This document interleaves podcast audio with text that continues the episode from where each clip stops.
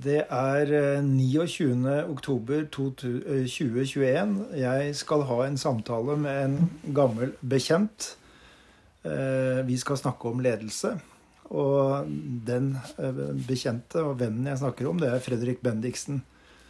Og jeg syns det er litt morsomt å innlede med at han var den legen jeg gikk til da jeg skulle søke om opptak på Politihøgskolen. Og det vil si at det sannsynligvis var april-mai 1981. Så vi har kommet veldig langt av gårde nå. I dag skal vi snakke med Fredrik Bendiksen.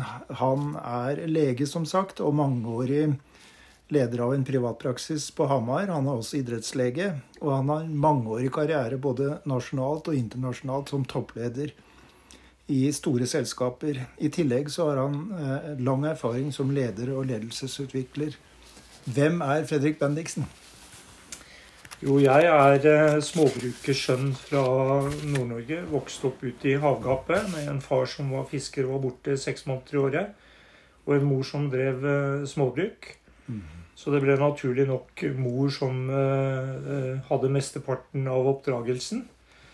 Um, dette var et typisk lite øysamfunn hvor man ble enten fisker eller uh, småbruker. Mm. Eh, men som elleveåring så gikk jeg til mor og far og sa nå har jeg bestemt meg hva jeg skal bli når jeg blir stor. Jeg skal bli doktor. Og da husker jeg de ble veldig bekymret. Ja. Så jeg husker enda de satt på stua om kvelden, og så sa mor til far jeg er bekymra for han Fredrik. Jeg tror han er blitt overspekulert. Ja. ja. Så det var nok starten på en, en eh, ganske målrettet eh, skolegang og, og målrettet utvikling mot det å få tatt medisinsk embetseksamen og bli doktor. Ja, og det som vi skal fokusere på nå, det er leder, ledelse, eller også kalt lederskap. Og jeg er veldig ute etter å finne ut hva du har lært som leder, og om fenomenet og praksisen lederskap. Eh, både eh, som leder sjøl, men også som lederutvikler. Så da går vi Vi vil vite litt om alderen din og familieforhold og ja, jeg hobbyer. Jo, jeg er jo akkurat fylt uh, eh, 67 år. Uh, jeg er jo gift med Marit. Vi har to voksne barn. Og fem barnebarn, som vi ser ganske ofte. Så sånn sett så er det ganske mye å holde tak i. Både arbeidsmessig og privat. Mm, det skjønner jeg godt. Jeg skal ikke spørre deg om hvorfor du valgte det du gjorde av yrkesvei, for den, det valget har du allerede redegjort for, og det kom, det kom, veldig tidlig. Vurderte du noen andre faglige retninger etter hvert som du kom i videregående eller gymnas, som det het i gamle dager? Nei, jeg gjorde ikke det. Jeg, og jeg kan ikke gjøre rede for hvorfor jeg var så bestemt så tidlig. Mm. Men jeg hadde fått en klar eh, personlig oppfatning av at det var det jeg hadde lyst til å, å utdanne meg som. Og så skal jeg si at jeg var veldig heldig som hadde utrolig oppmerksomme, gode lærere. Både på ungdomsskolen mm. og ikke minst på uh, gymnaset uh, videregående, da, som, mm. som uh, nok så et eller annet som gjorde at de forsterket mitt ønske om å gå videre på en akademisk utdannelse. Så bra. Um, hva var det som førte deg inn i ledelse? Ja, det er det er jo eh, Det kan synes litt tilfeldig, fordi at jeg, jeg jobbet jo som allmennpraktiserende lege her på Hamar i, i over 20 år. Eh, og eh, det var faktisk på 40-årsdagen min så fikk jeg en telefon fra en leder i et farmasøytisk selskap, den norske avdelingen av et farmasøytisk selskap, Pfizer som lurte på om jeg kunne komme inn og, og, samtale med han om en mulig lederstilling som medisinsk direktør. Eh, jeg kjente Pfizer fra før, jeg hadde holdt en del foredrag for dem. Jeg hadde vært med i en del av deres studieprosjekter, så jeg tenkte at ja, hvorfor ikke? Eh, dra inn og ha en prat med ham og høre hva dette er. Eh, og komme hjem igjen som ettermiddag med en ansettelseskontrakt som medisinsk sjef. Det var kjapt. ja, og det kjennetegner kanskje, Rune, eh, noe som jeg har tenkt på mye. Det er at eh, når mulighetene oppstår til å gjøre noe som er spennende, mm. så må du tørre å bestemme deg. Fordi at muligheter kommer og går eh, ofte. Mm. Og, og de kommer fort. Og, og de kan gå akkurat like fort. Så du kan av og til ha ganske korte beslutningssløyfer på vil jeg dette, Mm. eller vil jeg ikke dette. Jeg syns det er litt av et eh, skritt, fordi du hadde en eh, stor og veletablert eh, legepraksis her på Hamar. Og, og å skifte beite så, så tydelig og begynne med, med pendling, det, altså det, var, et- det var et stort skifte. Det var et stort skifte, og, og eh, eh, jeg, jeg hadde jo ingen formell lederutdannelse. Ikke sant? Så, Mm. så det er et stort skifte på den måten også. Mm. Eh, og man har jo alle de tankene jeg syns man skal ha hvis man tar en lederstilling. Mm. Passer jeg til dette?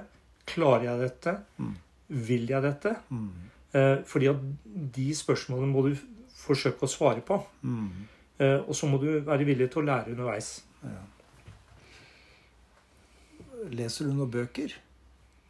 Ja, jeg leser masse bøker. Vi sitter nå i, eh, i ditt arbeidsrom hvor en hel vegg er full av bøker, og det ligger en bok på bordet her som du kommenterte før vi satte i gang opptaket. Ja da, jeg, har, jeg fikk av en god venn av meg eh, Dag O. Hessens eh, bok eh, 'Liv', som er eh, historien om universets mest spektakulære oppfinnelse. Altså liv, sånn som vi kjenner det i dag. Ja. Eh, eh, han skriver fantastisk. Eh, den er krevende å lese. Så det er ikke noe sånn enkel lektyre, syns jeg. Nei. Fordi at du skal virkelig konsentrere deg hvis du skal lese akkurat den boken. Men det er altså det å lese og, og ta til seg ny kunnskap, nye perspektiver, det er noe du har vært opptatt av i flere år. Ja, det har jeg vært opptatt av bestandig. Mm. så jeg, jeg leser mye. Og nå leser jeg kanskje enda mer enn jeg noen gang har gjort, Mm. etter hvert som jeg har blitt eh, eldre og, og fått mer eh, fasettert erfaring. Ja.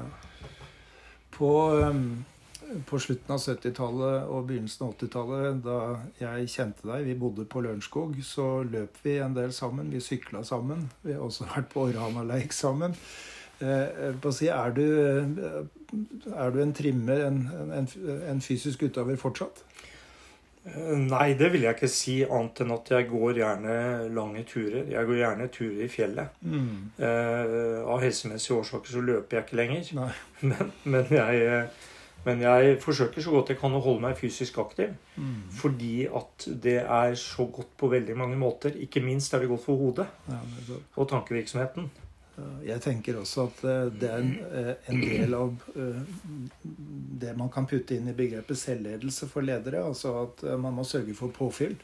Og Det var derfor jeg spurte deg om du leser bøker og om du gjør noe fysisk. Ja, og det, og det der Jeg tenker, Rune, at det der er en sånn Det der er en kontinuerlig prosess. Som, som det er en måte å leve på, på en måte. Å Mm. ta vare på deg selv. Mm. Eh, Sove nok, eh, være fysisk aktiv, passe på kostholdet ditt. eh, Holde deg oppdatert om, om hva som skjer i verden, utviklingstrekk. Mm. Men også faglitteratur. Ja. Og, og du ser jo det er noen hyllemeter med ledelsesbøker bak meg her. Mm. Så det er jo et område som jeg alltid har vært interessert i. Mm. Du eh, fortalte at du eh, ble tilbudt jobb og ja, jeg vil kalle det headhunta inn som medisinsk direktør i Pfizer. Og så gikk det en periode, så vet jeg at eh, du ble toppsjef der. si noe om Og etter det så gikk du tilbake igjen og tok fatt på legepraksisen din. Eh, hvordan var det å, å gå fra først å være eh, lege og drive en legepraksis, og så til leder, og så tilbake igjen til praksisen? Altså Det å gå fra å, være, fra å drive legepraksis til en lederrolle var jo eh, krevende. Eh, men veldig spennende fordi at noe av oppdraget da jeg var medisinsk direktør i Pfizer, var jo å bygge en, bygge en medisinsk organisasjon som var, eh, som var sterk og god. Mm. Så vi gikk jo fra 6-7 medarbeidere da jeg kom, til over 40 da jeg ga fra meg ansvaret for det Mm. eh, etter, etter noen år. Eh, det ble vel seks år til sammen. Eh, eh, og, eh, Og så ble jeg da spurt om jeg kunne ta administrerende direktørjobben i Pfizer Norge. Mm. Fordi min daværende leder skulle ut i Europa og ha en større rolle. Mm. Uh, og, og, jeg syns at det var uh, spennende. Altså lederroller på forskjellige nivåer har Mm. veldig mye til felles. Mm. og så er det jo sånn med ledelse, Rune, at det er et ansvar du tar på deg. Og det er et ansvar du har Du kan bestemme vanligvis selv når du skal begynne, for du blir jo spurt på et eller annet tidspunkt om du vil. Mm. Så du kan bestemme, Eller du har søkt en jobb, Ja. så du kan bestemme når du skal begynne. Mm. Eh, og du kan være heldig å bestemme når du skal slutte. Mm. Men det er ikke alltid sånn. Eh, av, av og til blir du sluttet Mm. pga. et oppkjøp, eller, eller at det er tid for å ha en leder med annen kompetanse enn det du har som toppleder. Mm. Det er jo en del av utviklingen av selskap. Ja.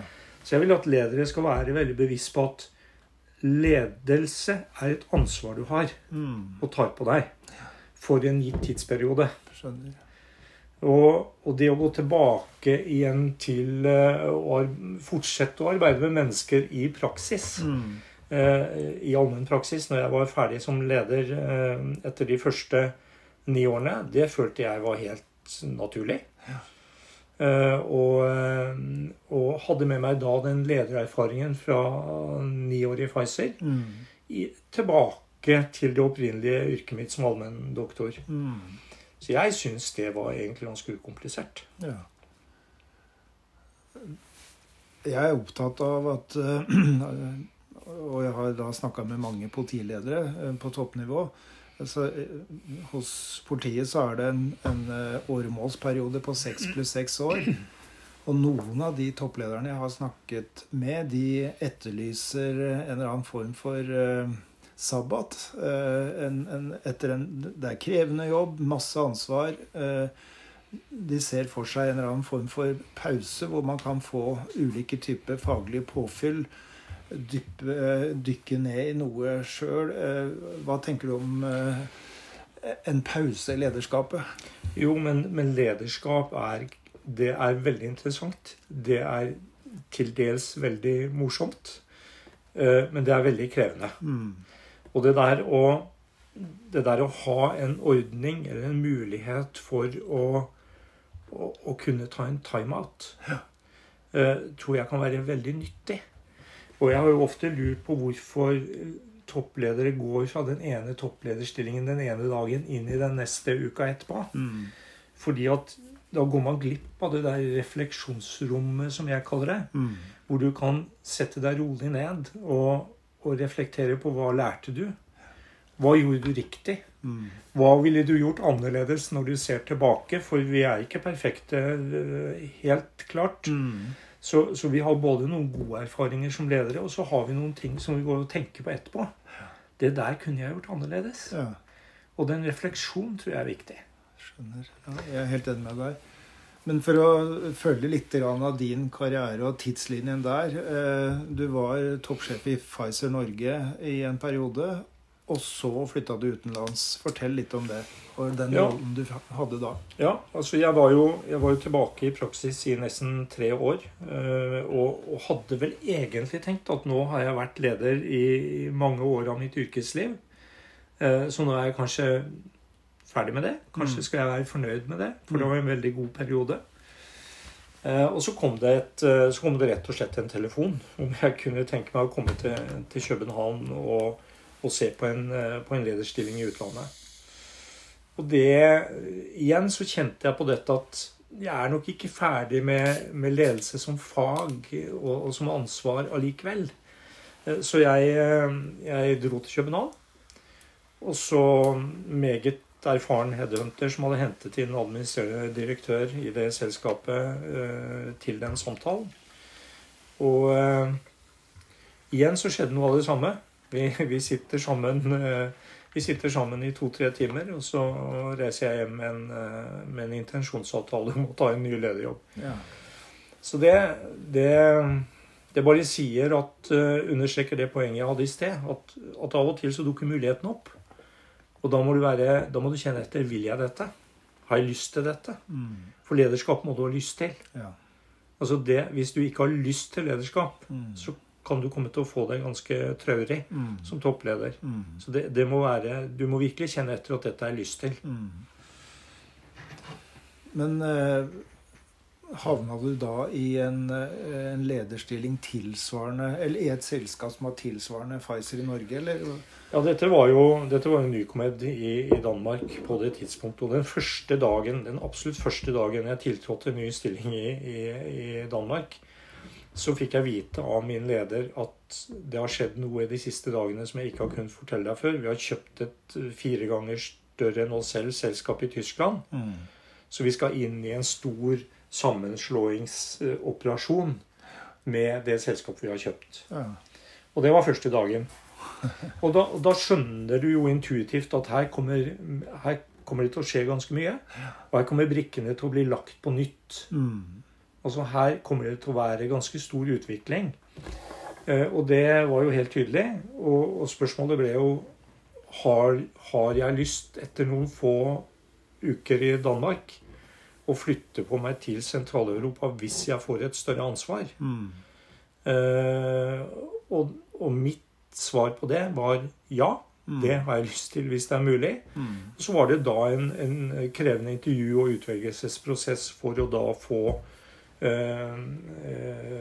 den stillingen som heter Vice President forskning og utvikling i, i eh, Nycomed-konsernet. Mm. Og det sammenslåtte konsernet. Da med base i Zürich, Mm. eh, i Tyskland. Skjønner. Og da du skulle ha med familien, eh, kona det, Jeg antar at du måtte gjøre noen eh, klargjøringsrunder der før Det er riktig.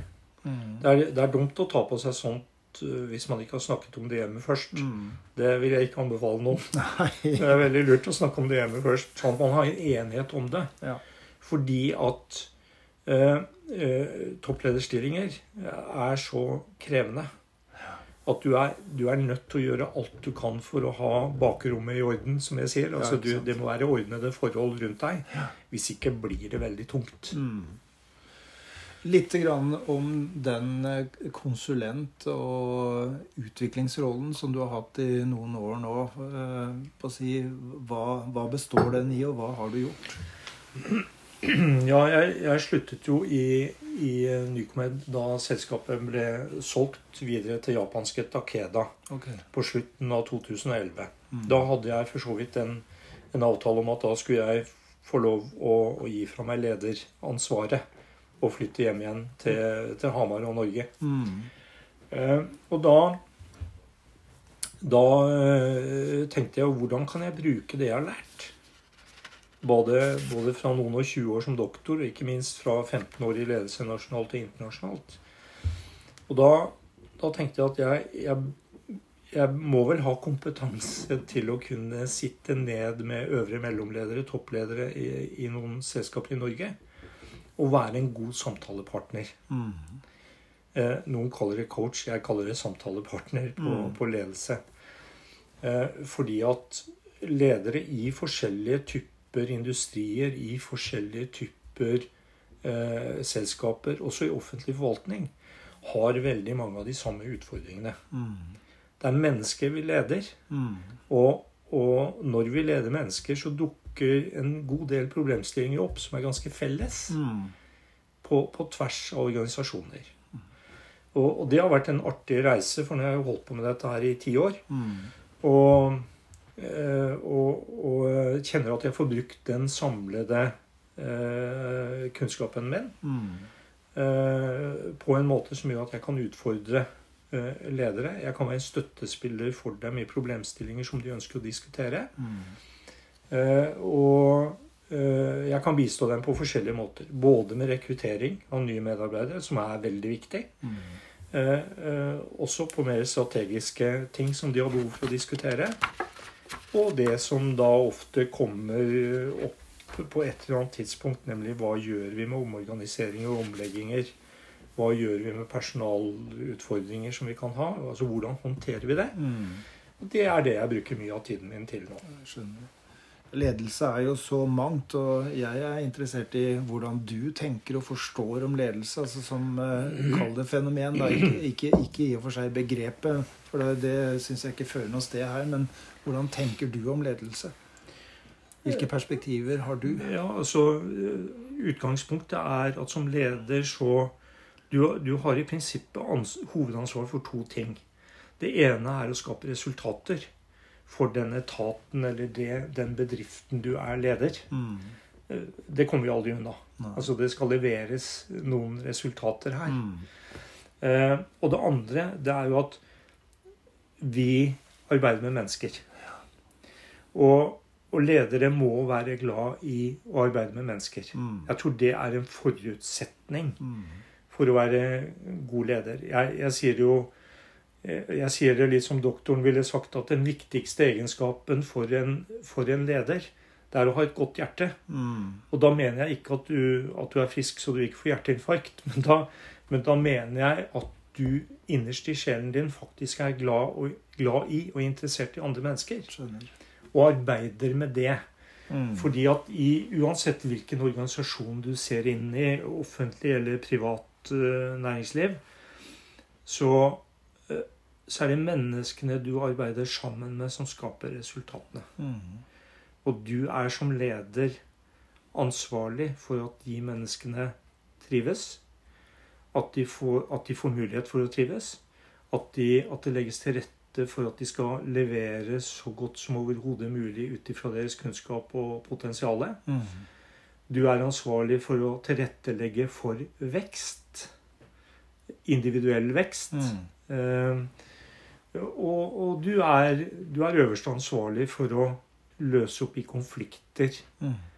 Uh, og, og, det kunne jeg snakke mye om konflikthåndtering. Mm. Men, men, som leder er du ansvarlig for å ta tak i konflikter tidlig. Mm. Sånn at det ikke vokser til noe som er umulig å gjøre noe med. Mm.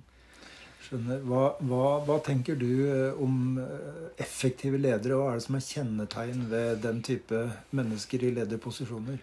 Jo, men, men, som leder så må du ha en tydelig kommunikasjon. Mm. Altså du må, du må, sette en tydelig retning mm. for hva vi skal oppnå. Mm.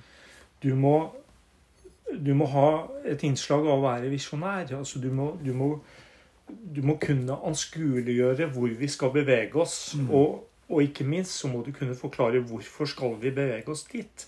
Altså hvorfor er det viktig? Mm. Eh, og det går langt utover tall og budsjetter, og selv om det også er viktig, for det er noe av rammefaktorene for å lykkes. Mm. Men det går langt utover det. Mm. det. det. går inn på å snakke til sjelen til medarbeiderne dine. Mm. Og, og, og, få dem til å bli med deg på en reise. Mm. Og det, sjansen for at de gjør det, er stor hvis du er tydelig på hva skal vi oppnå. Hvorfor er vi her? Eh, hvordan skal vi arbeide sammen for å komme dit? Mm.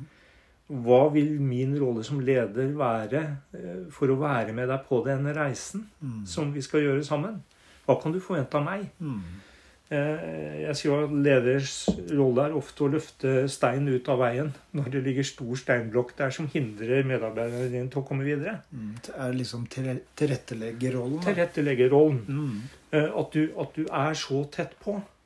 Og har en kommunikasjonsform og en væremåte som gjør at de folka du har med deg, stoler på deg. Mm. Altså De tør å komme til deg når de ser at eh, steinblokken er på tur ut i veien. Mm. Uh, og diskutere med deg hva gjør vi nå for å komme videre. Mm.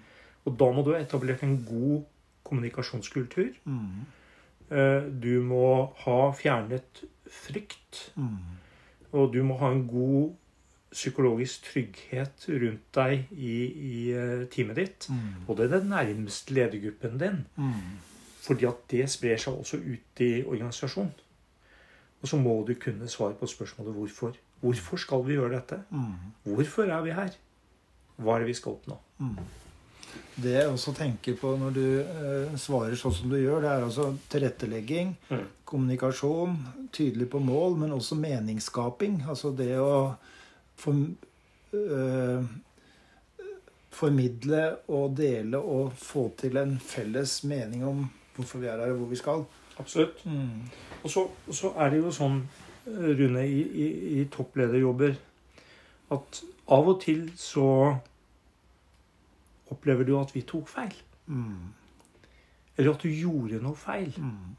Det skjer selv, eh, selv erfarne folk, og det. Mm. Da må, du, da må du være ydmyk nok til å kunne gå tilbake og så si at beklager, jeg ser nå at denne beslutningen ble feil. Vi, det må vi gjøre om på. Mm. Og min erfaring i, i de lederårene jeg har hatt, er jo at hvis du er ydmyk nok som leder og går tilbake og sier 'sorry, dette ble feil', så blir det akseptert. Mm. Altså det er, det er noe det er på en måte noe storhet i det å kunne innrømme som leder at 'nå tok jeg feil'. Ja. Men hva hvis en medarbeider, enten i, på mellomledernivå eller i førstelinja, gjør en feil? Hvordan reagerer du da som leder? Ja, det er eh, eh, jeg, jeg kan svare på det med en historie. Mm. Eh, I min, I min tidlige tid som medisinsksjef i Pfizer så ringte en av mine medarbeidere meg på nyttårsaften. Mm. En, en ung, fantastisk, eh, kunnskapsrik eh, kvinne som jeg hadde henta inn til organisasjonen omtrent rett fra skolen. Mm. Og så, sier, og så pratet vi litt om nyttårsaften og sant, at det var hyggelig å ha fri. Og sånn, og så hørte jeg at hun var engstelig. Mm. Så jeg sa hva er det som får deg til å ringe akkurat i dag? Mm.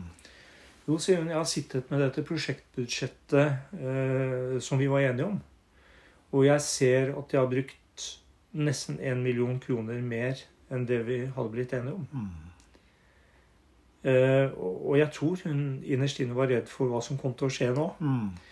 Og da sier jeg til henne Du, fint at du, at du ringer og sier ifra om det. Hva, hva har du, eller hva har vi brukt en million til? Ja. Og så forteller hun hva det var. Og så tenker jeg meg litt om, og så sier jeg Kan du på noen som helst slags måte i dette viktige prosjektet forklare meg om vi kunne brukt den millionen mer hensiktsmessig? Så ble det stille igjen, så sier hun nei, Fredrik, det kan, jeg ikke, det kan jeg ikke se. Jeg mener vi har brukt de pengene veldig fornuftig. Så sier jeg til henne det er jeg helt enig med deg. Mm. Så ble det en liten pause, og så sier hun så jeg får ikke sparken, sier hun.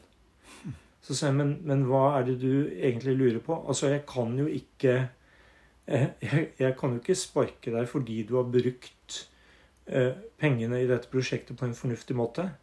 Fordi du er så ærlig at du sier ifra at, at vi har noe vi må se på på nyåret. Mm. Eh, og så ville jeg jo være helt Det ville jo være den største tabben jeg kunne gjøre hvis jeg tok deg av prosjektet. For du er jo den som er best egnet til å lede dette prosjektet. Mm. Og det, det kommer hun aldri til å glemme. Det er jeg sikker på. Og jeg har møtt henne igjen da eh, mange, mange år senere. Mm. Og, og da gjør hun seg en refleksjon rundt det. For hun sier til meg Er du klar over at måten du håndterte akkurat det på, var så viktig for meg? For hadde du blitt sint eller, eller sagt et eller annet forkjært da, så hadde du ødelagt hele karrieren min. Mm.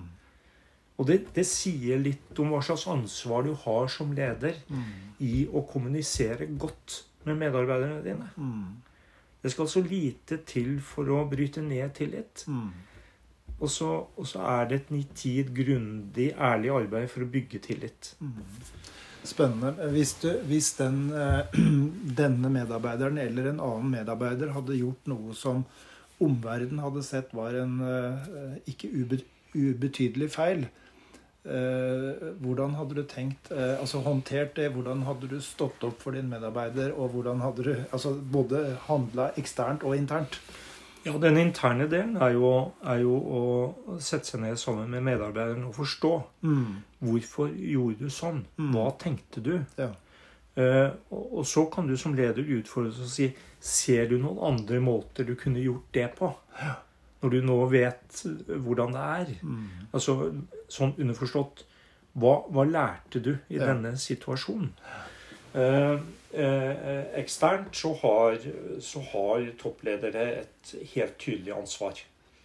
Eh, og du, du har et eh, ansvar for å stå opp for dine folk. Mm. Eh, med mindre de har gjort noe kriminelt, Mm. så har du et ansvar for å støtte folkene dine. Mm. Eh, eh, hvis de har gjort noe som er eh, som er uheldig, da. Mm. Så, så lenge det ikke er kriminelt. Mm. Og da vet du mye bedre enn meg hva det er. Det kan være å ha stjålet penger av, av, av, fra selskapet. Det kan være det kan være seksuell trakassering, det kan være religiøs trakassering. Mm. Eh, eh, og, og det vet vi hvordan vi skal håndtere. Mm. Men har de, har de gjort en teknisk feil, eller gjort en feil beslutning i en situasjon, så er jo ikke det eh, Det er jo ikke noe grunn til å ikke stå i ryggen på medarbeideren din Nei. da. Nei. Altså, vi, vi, vi berører nå områder som man kunne bruke begrepet ledelsesfilosofi på. Mm. Altså, har du gjennom alle de årene du har vært leder, har du, har du på en måte lagd deg en slags plattform eh, på der dette er byggverket, dette er verdiene som jeg vil bygge Mm. mitt lederskap på? Mm. Jeg, har med, jeg har med meg noen eh, jeg har med noen verdier fra jeg var guttunge, som jeg nok arvet fra min, eh, fra min mor, Mm. som, var, som bare hadde folkeskole, Mm. men som var veldig tydelig. Mm. Eh, og og hun, hun lærte meg jo noen viktige ting. Eh, altså Hun sa jo 'respekter andre mennesker'. Det behøver ikke å bety at du skal være enig med dem. Mm. Du skal respektere dem for at de har en mening. Mm. At de står fram med den meningen de har. Og så, sa, og så lærte hun meg 'snakk for all del sant'. Mm. ikke sant? Aldri, aldri prøv deg på noe annet. Vær ærlig, etterrettelig, snakk sant. Mm. Eh, Det tredje hun sa, var, og det høres så banalt ut, men hardt arbeid hjelper. Ja. Og, og tro det eller ei, det gjør det. Mm. Også i ledelse. Mm. Så hjelper hardt arbeid. Og så sa hun sammen med andre kan du utrette uendelig mye mer enn du kan gjøre aleine. Hm. Og det er jo Og det har nok preget mitt yrkesliv. Mm. Eh, mer enn det jeg tenkte over før jeg var kommet ganske langt inn i nykommed-tiden min. Mm. Uh, men det har nok vært noen sånne rettesnorer for hvordan vil jeg arbeide med andre mennesker. Mm. Hvordan vil jeg oppfattes som medarbeider, som leder? Uh, så enkelt. Nesten litt banalt, Mm. men verdibasert. Nettopp. Jeg, eh, jeg tar jo med meg noe av det du sa, altså være glad i mennesker. Mm. Eh, ha lyst til å utøve lederskap. Mm. Og du var tidlig inne på at eh, det skulle være resultater i enden av lederskapet, altså tydelig på mål. Mm.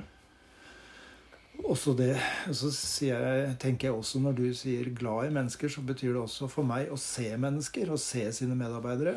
Og jeg tror toppleders eh, tilstedeværelse og det å se medarbeiderne har en veldig stor kraft. Det har en veldig stor kraft. Og, og, og tidligere så var det jo både i ledelseslitteraturen og, og, da jeg ble leder for første gang som 40-åring, så var det jo mye snakk om eh, dette med, med ledelse ved at du gikk rundt Mm. ikke sant, og var synlig. Mm. Eh, det mener jeg gjelder fortsatt.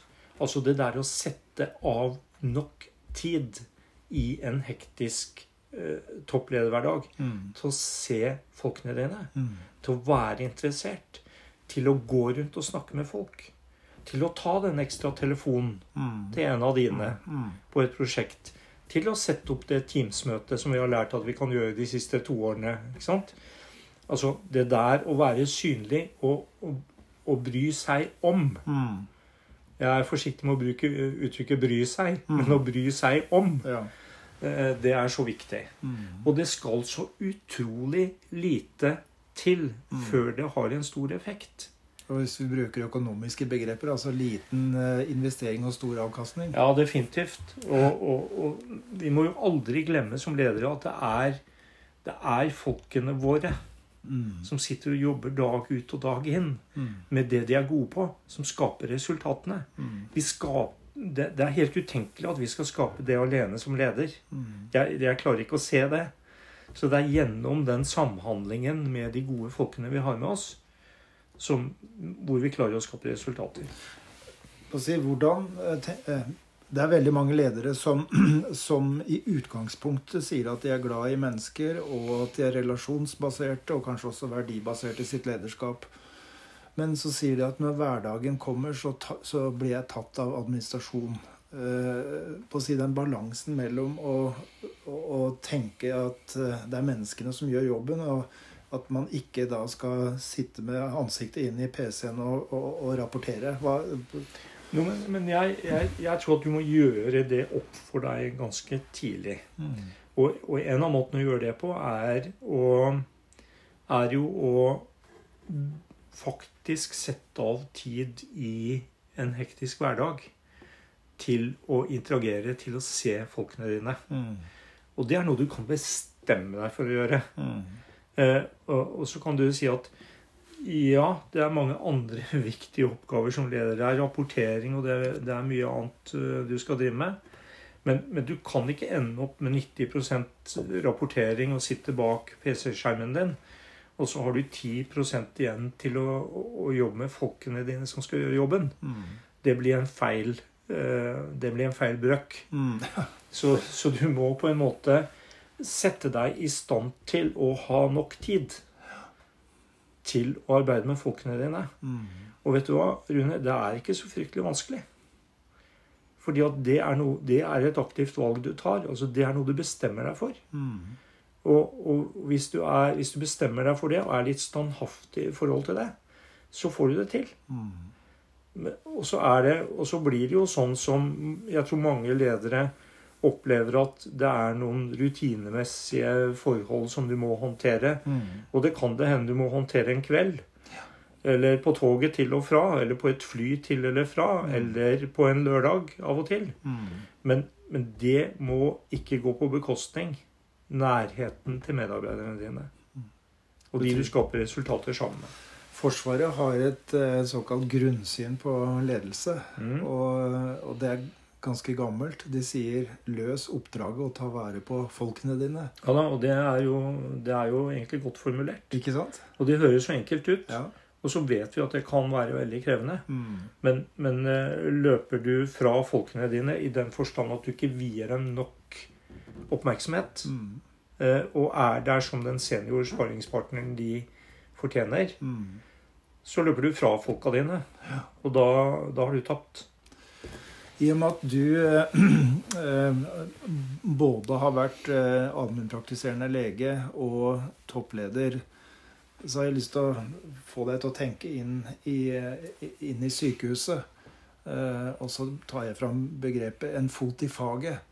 Altså, Ja. Hva slags eh, fordeler ser du at det er en lege som er eh, leder på toppen av en eller annen pyramide i, i sykehuset, enn f.eks. en økonom?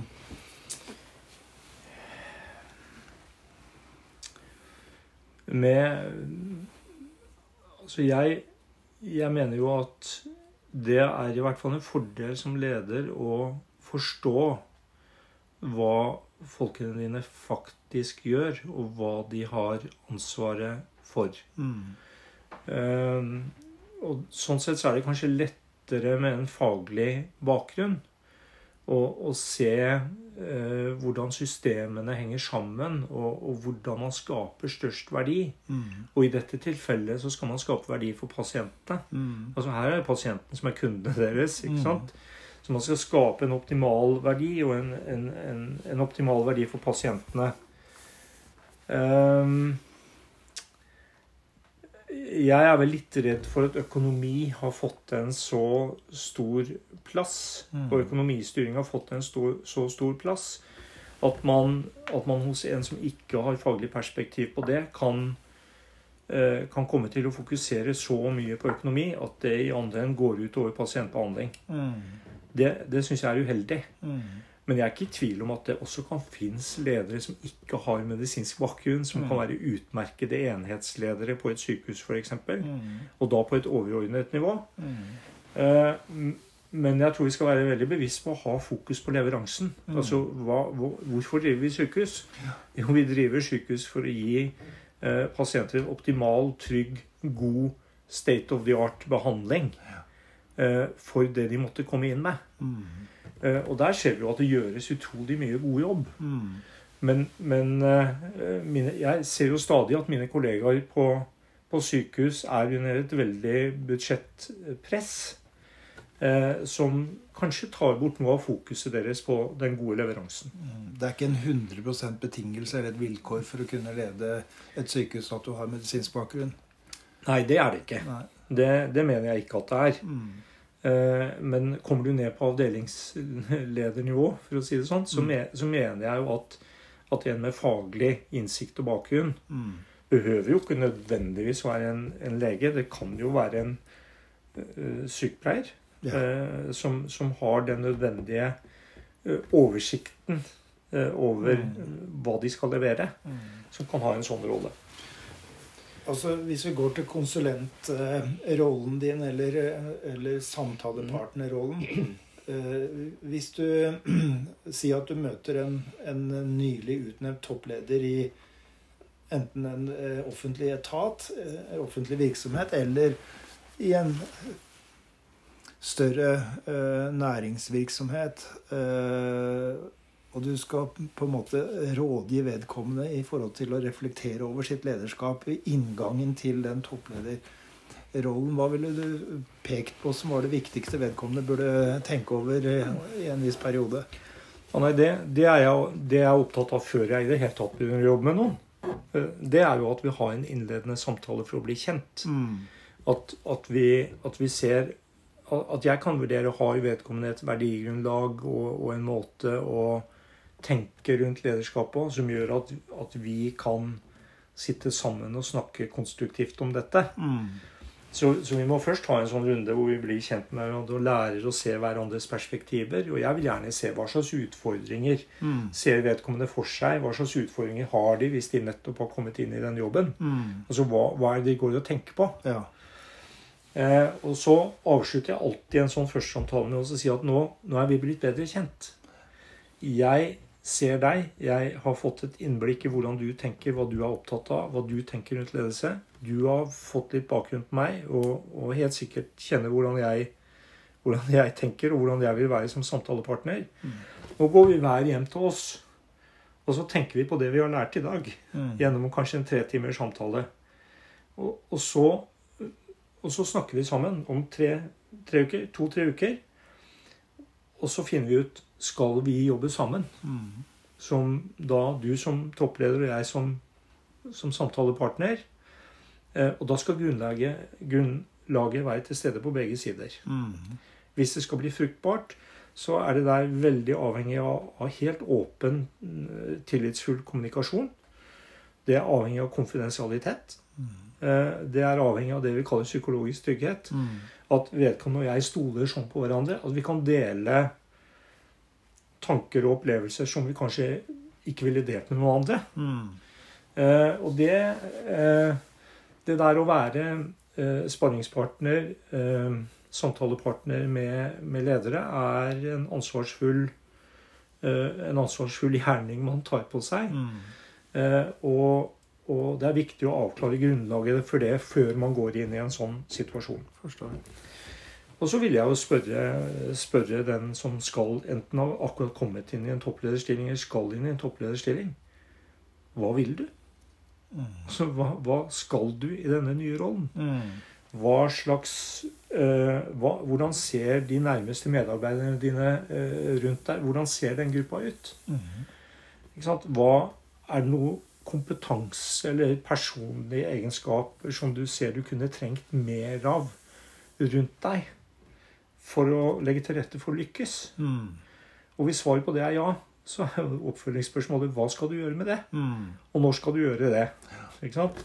Så, så det der Man starter en sånn reise som blir veldig drevet av hvor befinner denne samtalepartneren, altså lederen, seg eh, mens vi går.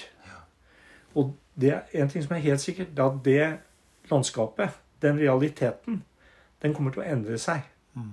Det, det er helt sikkert. Det ser jeg hver eneste gang.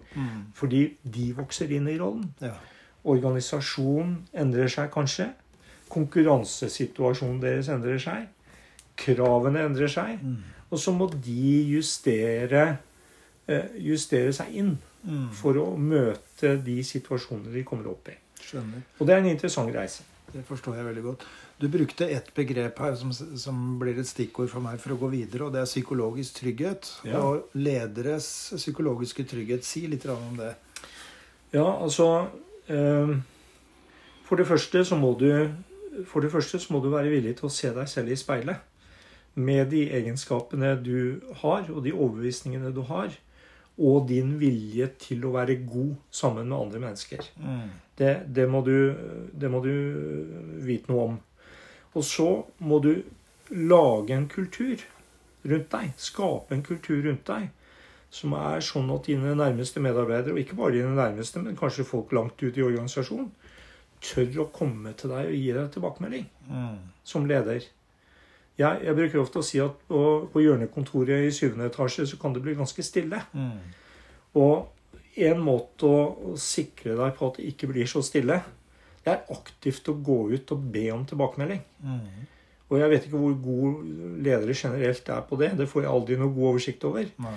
Men det å snakke med folkene sine og være litt ydmyk, og så si Vet du hva, hvis du ser noe som du lurer på, eller som du syns jeg gjorde som Hvis du ser noe du syns jeg gjorde var bra, så er jo det veldig hyggelig om du forteller meg det. Mm. Men hvis du ser noe jeg gjorde som du ikke skjønte, så må du i hvert fall fortelle meg det. Mm. For da har jeg muligheten til å gå second loop med deg Mm. og forklare deg hvorfor jeg gjorde det og det. Så det der å etablere en god, uh, en god tilbake, trygg tilbakemeldingskultur, Mm. det er viktig. Og da må vi arbeide med psykologisk trygghet i team. Mm. Forstår. Ser du det som et, eh, et virkemiddel for å skape eh, si, resultater? Absolutt. Ja. Helt klart. Altså, og, det, og det er det faktisk gjort en del ren vitenskap på. Altså, team, eh, prestasjonsgrupper hvor det er høy grad av, av trygghet i gruppen, Mm. de presterer, eh, de presterer bedre enn en der hvor det er usikkerhet og uklarheter. Mm. Det, det, har vi god, det har vi faktisk ganske god dokumentasjon på Mm. at det er tilfellet. Mm. Derfor er det å jobbe med trygghet i team, det å jobbe med en god tilbakemeldingskultur, det, det er viktig. Vi har jo begge vokst opp i en æra med anonyme medarbeiderundersøkelser. Mm. Jeg er ikke spesielt glad i det. Nei. Fordi, enten fordi det ikke blir, resultatet ikke blir brukt, eller, som er ganske vanlig faktisk, at resultatet blir ikke brukt. Nei. Eller, eller at, at man at, at gruppen som sådan ikke, ikke får diskutert ordentlig hva er egentlig kjernen i hvordan vi opererer. Mm. Og da er en, en god tilbakemeldingskultur et helt annet type verktøy. Som både fører deg raskere til målet, og, og som kreerer vekst på en helt annen måte. Mm. Du, det bringer meg også inn på å spørre deg om eh, hvordan du Altså, det du snakker om, det er flere ting, men jeg tenker at lederen i den rollen blir en slags kulturell arkitekt. Eh, og, og altså, Kan du si litt om det, og si litt om hvor viktig du ser eh, det å, å, å bygge kultur Jo, men faktisk er? Som toppleder så blir du jo kulturbærer. Ja. Altså, du, du, er jo, du er jo den øverste ansvarlig for hvordan vi har det her, Mm. og hva vi skal oppnå her. Så, så du blir jo kulturbæreren. Mm. Og, og, eh, og, og veldig mye av dette handler om å, å skape den tryggheten som er nødvendig, sånn at folk faktisk kjenner at de har ansvar for å gjøre jobben sin best mulig. Mm. Og der er det jo arkitekten. Ja. Som toppleder så er det jo arkitekten. Og det handler jo om å snakke om det vi kaller verdibasert ledelse. Altså hvorfor er vi her? Hvordan skal vi behandle hverandre? Mm. Og gå foran som den ledestjernen du da er når du har topplederjobben. Mm. Uh, og, og være åpen på de innspillene du måtte få. Mm. Sånn at du kan justere deg hvis det er nødvendig. At du justerer deg som Mm. toppleder. Mm. Men du blir arkitekten for hvordan vi skal ha det på jobb. Mm. Og gjennom den måten lederen opptrer på, så setter du tonen, da, tenker jeg. Altså, du er Ja. både rollemodell, men du setter også tonen Ja. nedover. Sånn, sånn vil vi ha det hos oss. Ja. Sånn skal vi ha det hos oss.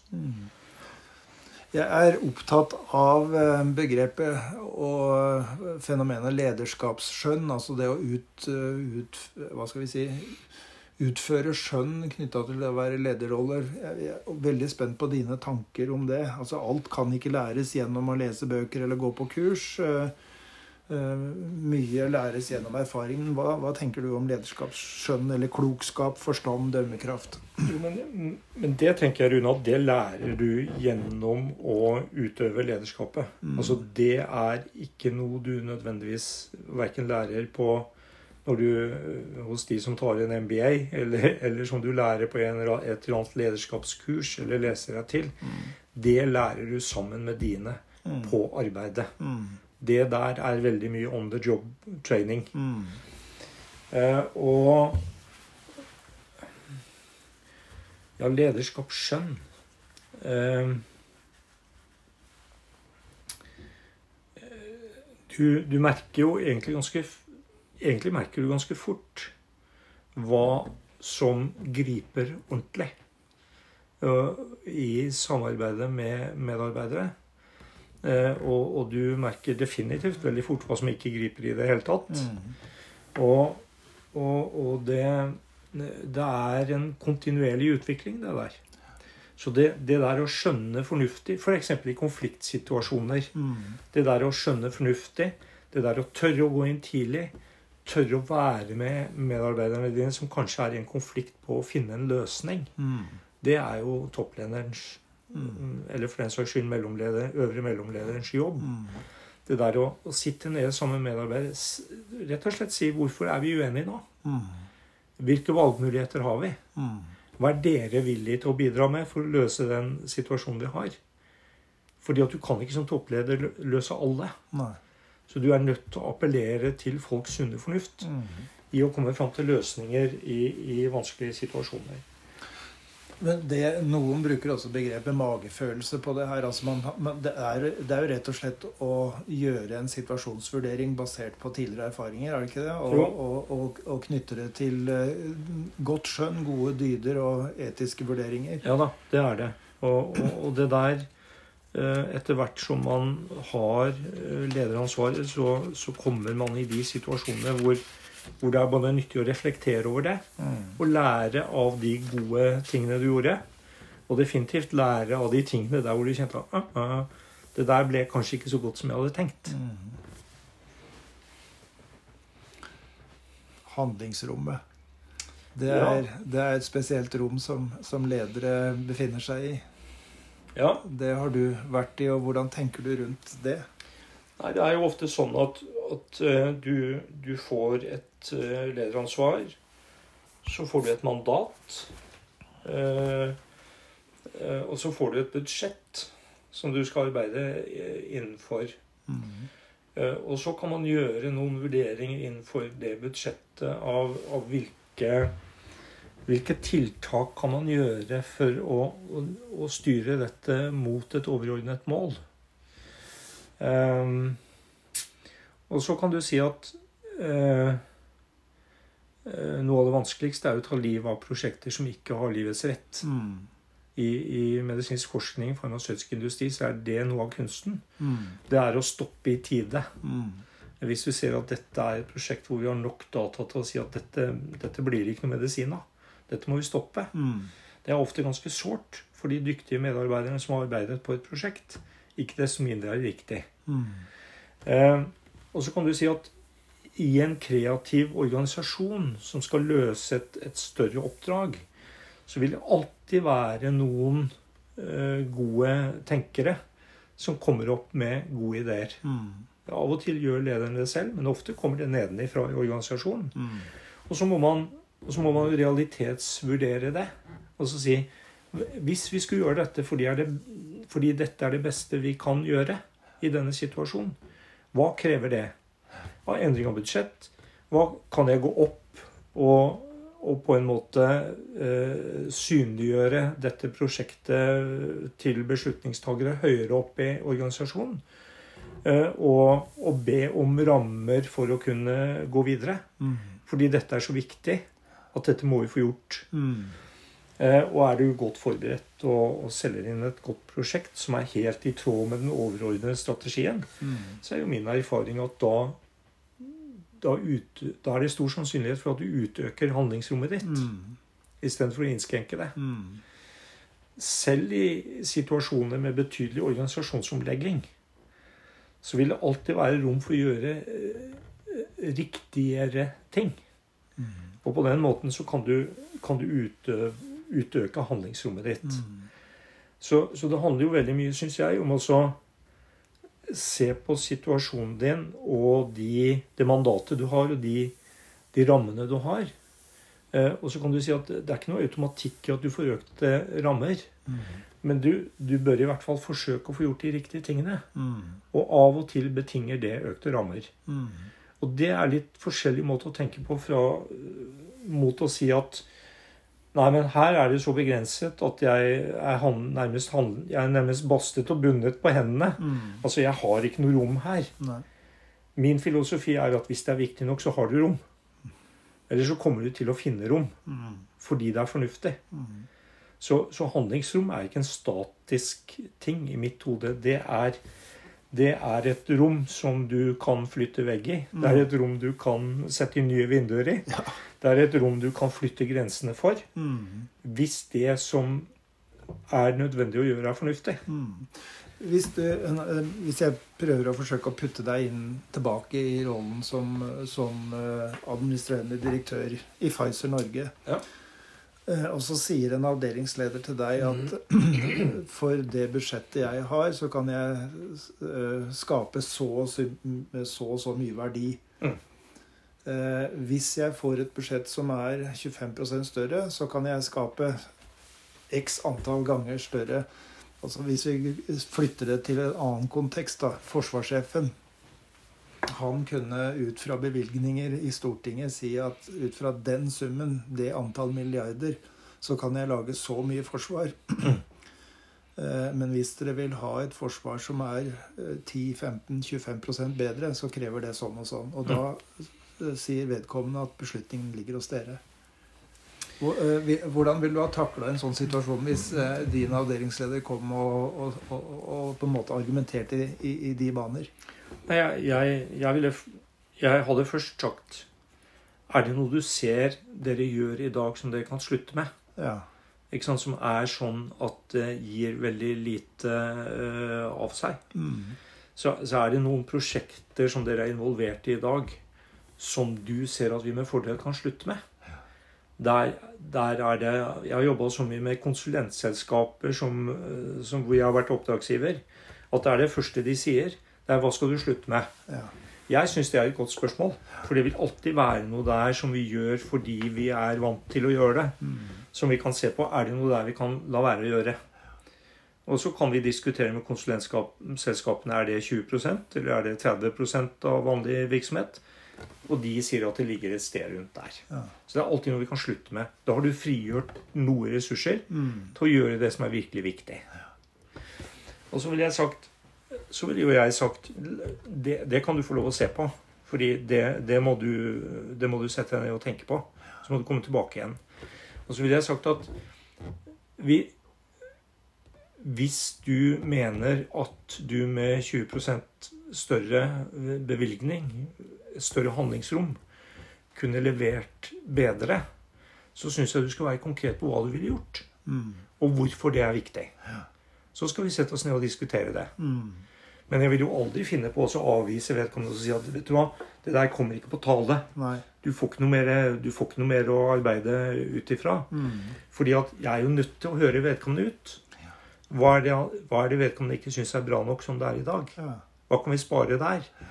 Eh, og, så- og så er det liksom Hva syns du er så viktig at, at vi skal gjøre det istedenfor det vi hadde tenkt å gjøre? Mm. Og der er det alltid ting. Og det har jeg sett i, i, i forskning og ikke minst studiebudsjetter når vi har diskutert det. Ehm, Er, er ideen god nok? Så var det i hvert fall i farmasøytisk industri penger til å gjennomføre det. Mm. Men du må, men du må selge eh, du må selge inn Mm. eh, med god begrunnelse. Hvorfor er dette viktig? Hvorfor skal vi gjøre dette? Mm. Og da vil jeg vært villig til å diskutere det. Ja, bra. Da har jeg lyst til å ta samtalen over på eh, noe jeg kaller læring og vekst. Ja. Og først eh, vil jeg vite hva var det som drev deg som toppleder? Hva opplevde du som interessant, givende, utviklende med den lederjobben? Ja, hvis, jeg skal omformulere spørsmålet litt, litt Rune, la, la meg tillate meg det Ja, til å begynne med. Og, og, og, og det vil jo være sånn Når jeg ser tilbake på den 15-årige eh, lederkarrieren, eh, og, kanskje spesielt de siste seks årene i utlandet Hvis du spør meg hva jeg er stolt av, så er jeg stolt av de øvre mellomlederne jeg hadde i ledergruppa mi. Mm. De plukket jeg unge. Det var seks stykker, tre kvinner og tre menn fra, fra fem forskjellige nasjoner. Mm. eh, I tillegg til meg sjøl. Um, og, og, vi var så heldige at vi fikk lov å jobbe sammen i mange år. Eh, og jeg har kontakt med alle sammen fortsatt. Mm. Og, og de, er, de sitter rundt i veldig ansvarsfulle lederstillinger rundt omkring i verden. Fra Boston til eh, London til eh, München mm. til Norge, faktisk. Den ene sitter i Norge. Ja, og, de, og en er blitt pensjonist. Ja. Naturlig. Og, og, det er noe det, av det jeg tenker at jeg, som ligger igjen etter meg, det er, det er en del gode ledere ja. som har fått vokse opp under, under eh, gode forhold. Mm. Fått tatt mye ansvar, fått lært mye. Og har kjent seg trygge på at de hadde en, en sjef som alltid sto dem i ryggen når det blåste. Mm. Det, det, er jeg faktisk stolt av. Mm. For jeg tror det er det der som har trigget meg mest. Utvikling av mennesker. Utvikling av mennesker. Mm. Fordi det er mennesker. Mm. Når, når, du sitter i en topplederjobb, så er Ja, du skal skape resultater i den jobben du har. Mm. Men du skal også utvikle mennesker til å ta større ansvar. Mm. Og det, det, fikk jeg til med den gruppen, og de fikk det til med mange av sine. Og det ser jeg, for jeg følger med mange av deres, hvordan de beveger seg rundt omkring i næringslivet. Ja. Og mange av deres blitt, eh, har fortsatt å utvikle seg og er veldig gode. Jeg inviterte deg til Politihøgskolen eh, en eller annen gang rundt årtusenskiftet. Mm. Altså si ca. 20 år siden. Ja. Eh, og det var på en utdanning som var for den gang vaktsjefer, tror jeg. Og ehm, da sa du noe som har festa seg, og som er i tråd med det du sier nå. Og det Du, du snakka om betydningen av å utvikle talenter og la talenter få vokse. Mm. Og at du så det som nå tar jeg det på min hukommelse. Du så det som en suksess for deg når, eh, når eh, mennesker som du hadde som medarbeidere, lykkes, og gjerne fikk en jobb et annet sted.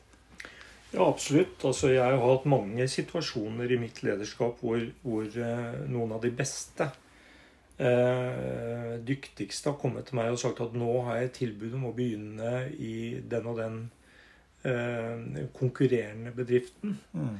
Eh, og, og, og, så har jeg Og det har alltid vært veldig åpne og ærlige diskusjoner rundt det. Og så har jeg sagt hva, hva får du ansvaret for i den nye rollen? Altså, jeg er interessert i i hvordan du får utvikle deg i den nye rollen. Mm. Hva, hva, skal du, hva, skal du, der? Mm. Eh, og, og, fått gode svar på det. Og da sier jeg det er, det er jo sånn at jeg er, ikke, jeg er ikke spesielt glad for å miste deg i min organisasjon. Men dette høres ut som et helt naturlig godt neste utviklingstrinn for deg. Mm. Eh, din faglige utvikling, din lederskapsutvikling. Mm. Så vet du hva? Det syns jeg du skal gjøre. Eh, og så skal du vite det at hvis du med tre års erfaring i den rollen får lyst til å komme tilbake igjen, mm. så, så, skal du si ifra. Så skal vi se har vi noe som kan passe der du er i din utvikling nå. Mm. Så det å og, det der har jeg diskutert med en leder på Teams-møte senest i dag. Ja. Altså, vi må aldri være redd for å la de beste talentene gå. Mm. I den forstand at de får lov å utvikle seg videre. Ja, det skaper noe utfordringer for oss som sitter igjen som, som deres ledere. Mm. Det, det, gjør det alltid. Men vet du hva, Rune? Det er så utrolig mye flinke folk der ute. Ja, ikke sant? Så det er, mm. faktisk, det er faktisk mulig å gi dine beste folk en videre utviklingsmulighet, enten internt i selskapet, hvis det finnes. Mm. Og finnes ikke det, så må du ikke være redd for å la det gå. Mm. For vet du hva, du kommer til å møte dem igjen mm. et eller annet sted. Og da har de lært seg noe som de ikke fikk stor mulighet til å lære seg der de var hos deg. Mm. Og det er helt ufarlig. Alle ledere, og uansett nivå, og definitivt toppledere, kommer ut for situasjoner hvor de skal fatte en beslutning som er krevende. Husker du eh, en av de mest krevende situasjonene eh, du var i som toppleder? Ja da, det husker jeg. Og det, det var i forbindelse med tjenesten i, i i utlandet, hvor vi skulle ha en større organisasjonsomlegging. Stor restrukturering. Mm. Hvor det var helt Det skulle spares mye penger. Ja. Og det var helt opplagt at uh, uh, dette kom til å gå ut over eh, mange medarbeidere. I den forstand at de kom til å miste jobben sin. Mm. Det, det syns jeg var utrolig krevende. Eh, og igjen så kommer vi tilbake til noe av det vi har så vidt vært inne på tidligere. Dette at du må Du må, du må kunne svare på spørsmålet hvorfor. Mm. Altså hvorfor skal vi gjøre dette nå? Selv om det har ganske stor inngripen i livet til mange mennesker. Hvorfor er det nødvendig å gjøre dette nå? Mm. Og det må du kunne svare på. Mm. Og, og jeg husker selvfølgelig at jeg den gangen hadde noen søvnløse netter på én Tror jeg på det selv? Altså Mm. tror jeg dette er Kan jeg stå for dette? Mener jeg at dette er riktig? Mm. Eh, kan jeg kommunikasjonsmessig få formidlet dette på en måte som gjør at folk skjønner hva jeg sier? Mm. Kan jeg fortsette å være empatisk? Mm. Selv om vi er inne i en situasjon som berører mange menneskers liv? Mm. Kan jeg sikre meg at jeg kan holde på de medarbeiderne som jeg er helt avhengig av i framtiden for å lykkes? Ja. Samtidig som jeg må akseptere at gode medarbeidere må gå ut døren.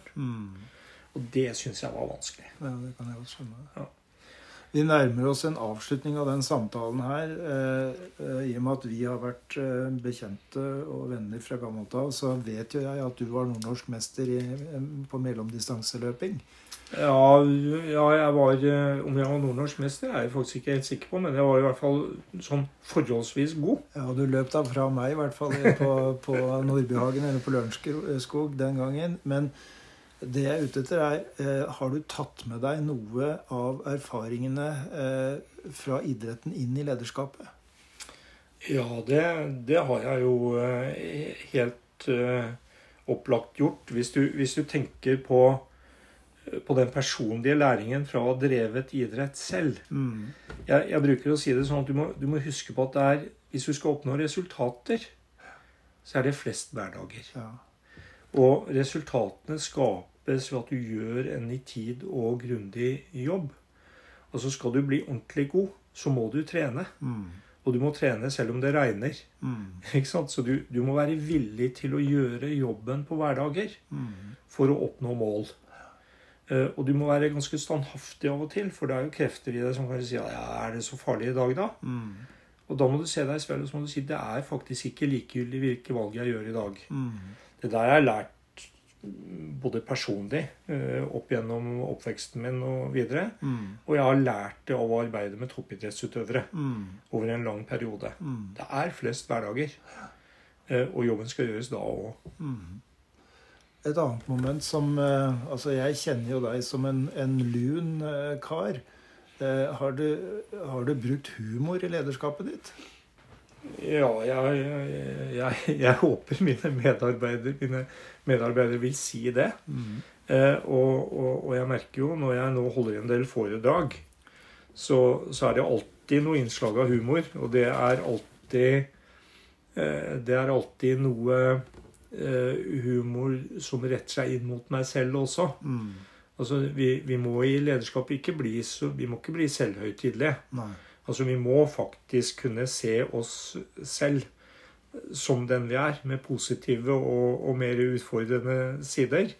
Og kunne le av det som Kunne le av oss selv. Mm. Det tror jeg er sunt. Ja. Du fortalte helt til å begynne med at du var en fisker, skråstrek småbrukersønn fra Nord-Norge. Eh, hvordan, eh, hvordan var det Eller var det noe problem eller noen spesielle utfordringer ved å ha den bakgrunnen og komme til kontinentet og være toppleder? Eller var det mennesket Fredrik Bendiksen som, eh, og fagpersonen som var mer enn god nok? Eh, interessant, eh, eh, interessant eh, og utfordrende problemstilling. Jeg, jeg, jeg tror at det har vokst opp øh, Vokst opp i det spesielle miljøet med forholdsvis trange øh, kår. øh, lære å arbeide tidlig. For det var tidlig veldig tydelige forventninger til hva jeg skulle gjøre Mm. hver dag når jeg Mm. kom fra skolen. Mm. Eh, og det kunne være å sage ved, det kunne være å dra ut og fiske middag, som jeg begynte med da jeg var seks år gammel. Mm. Eh, det, det kunne være å gå og hente kua som skulle melkes om kvelden. Ja.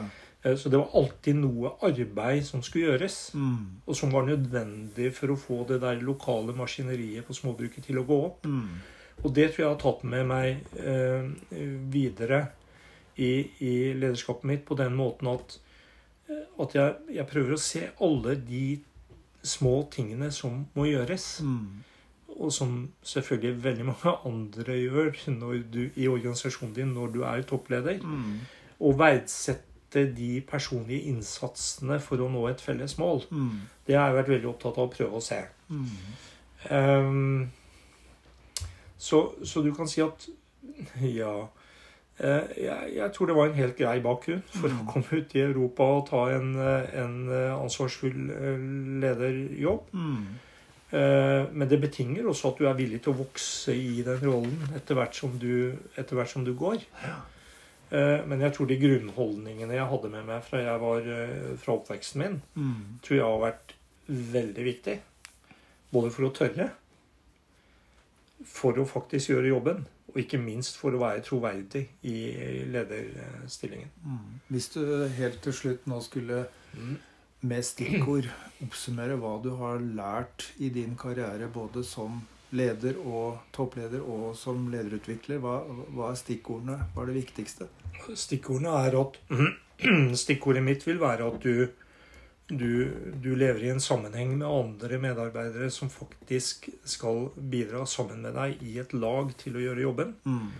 Eh, Vi snakker jo om autentisk lederskap, og det betyr at du er den du er. Mm. Altså du, er, du, du gir deg ikke ut for å være noe du ikke er. Mm. Altså du er, du, er du, du har med deg dine personlige egenskaper som er lette å kjenne igjen. Mm. Og folk stoler på deg fordi du er konsistent fra en situasjon til en annen. Mm. Og, og hvis det er noe medarbeidere oppfatter veldig fort, så er det om du vil dem vel. Mm. Det oppfatter de med en gang. Eh, Og det, det får du ofte veldig kort tid til faktisk å vise dem. Eh, Og, og det skal vi være veldig bevisst på at vi blir sett. Mm. Som jeg sier, altså Som leder så blir du sett. Mm. Uh, Og, og du blir sett hele tida. Og du Mm. blir vurdert hele tida. Mm. Og det høres jo litt sånn negativt og nesten litt farlig ut. Men det er ikke det. Så lenge du er konsistent og oppfører deg ordentlig, Mm. så er ikke det farlig. Men, men du skal være konsistent og oppføre deg ordentlig. Da tror jeg vi setter strek. Jeg sier tusen takk for en interessant og lærerik samtale. Takk i like måte.